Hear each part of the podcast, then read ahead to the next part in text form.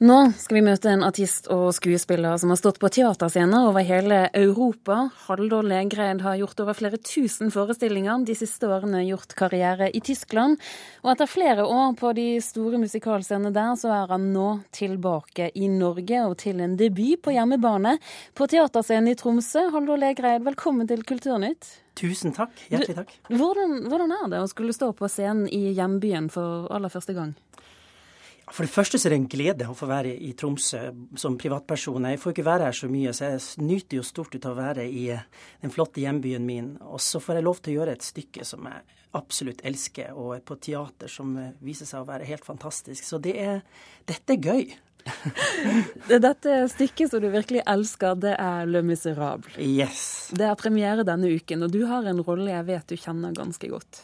ja en evig student, har spilt uh, Angerat, altså studentlederen som leder studenter inn i, inn i revolusjonen. Her jeg, fikk jeg jo den gleden av å gjøre i den første tyske produksjonen. Eh, og nå her eh, i den første nordnorske. Så du har det med uroppsetninger?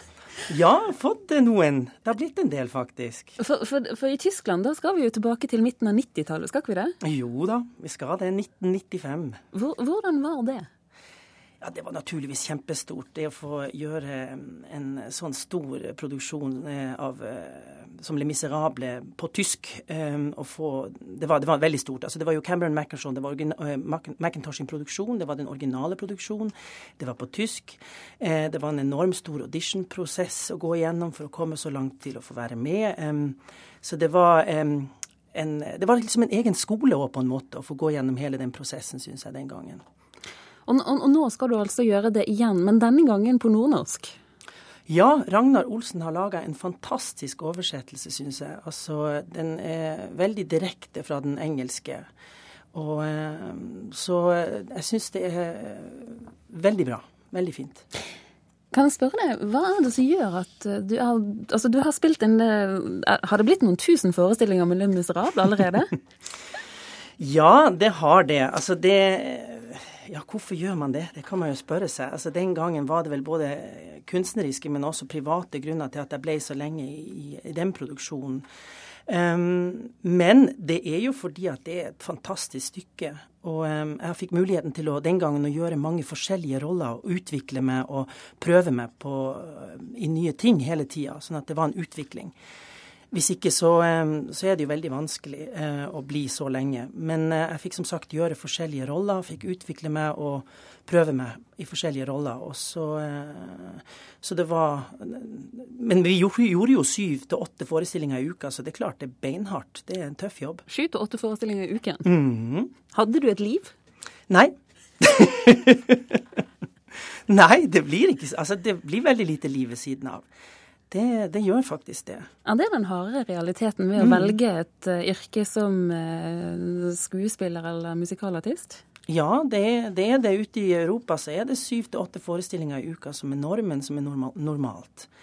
Og, um, men, men, når du brenner for noe, når du elsker å, å drive på med noe, og det er et liv du syns er givende, og du får lov til å utvikle deg både kunstnerisk og som menneske, og du så er det en spennende reise å gå. Men det er klart at du ofrer jo litt òg, eh, kan man vel si. Altså, det er jo vanskelig å ha et familieliv og ja, etablere seg. Eh, du blir jo en liten sånn nomadetilværelse, det gjør jo det. Og det merker man jo etter hvert som man blir eldre, det må jeg si.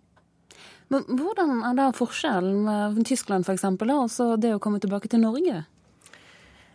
Altså, som jeg sa, så jeg, jeg føler en sånn stor glede og stolthet av å være hjemme. For det første så opplever jeg jo at vi har fått en, flere generasjoner nå med veldig dyktige musikalartister. Så det har etablert seg en kultur for musikalartister i Norge. Har det ikke vært det før? Jo, det kanskje, nå har jo ikke jeg jobba så mye hjemme, så jeg, men jeg har inntrykk i alle fall at du har fått flere generasjoner, og dermed også en bredde og, og, og eh, noen røtter i, i musikalverden i Norge. Sånn opplever jeg det i alle fall. Med masse dyktige folk.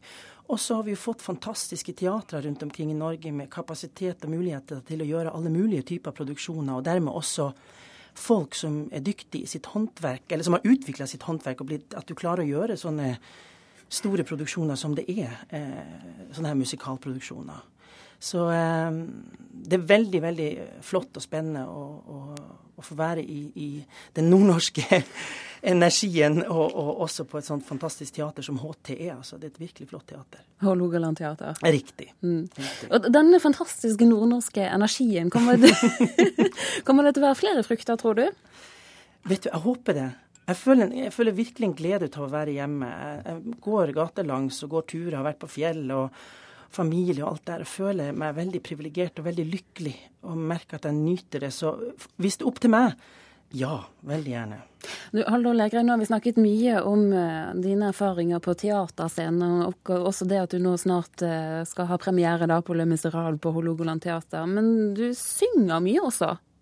Ja, det er jo der det, der det starta. Det var jo her oppe i um i uh, Nord-Norge, holdt på å si, barndomshjemmene, uh, for det var hjem, det var flere, uh, hvor sangen sto sentralt. Og det var det som ga meg kraft og glede, og det var det som gjorde at jeg syntes livet var storartet. Så sangen er, har vært for meg, og er for meg, en drivkraft i livet mitt på mange måter. Så det er kjempeviktig for meg å få uttrykke meg via, eller gjennom sang. Hallo Legreid, takk for at du var med oss i sendingen. Takk, takk.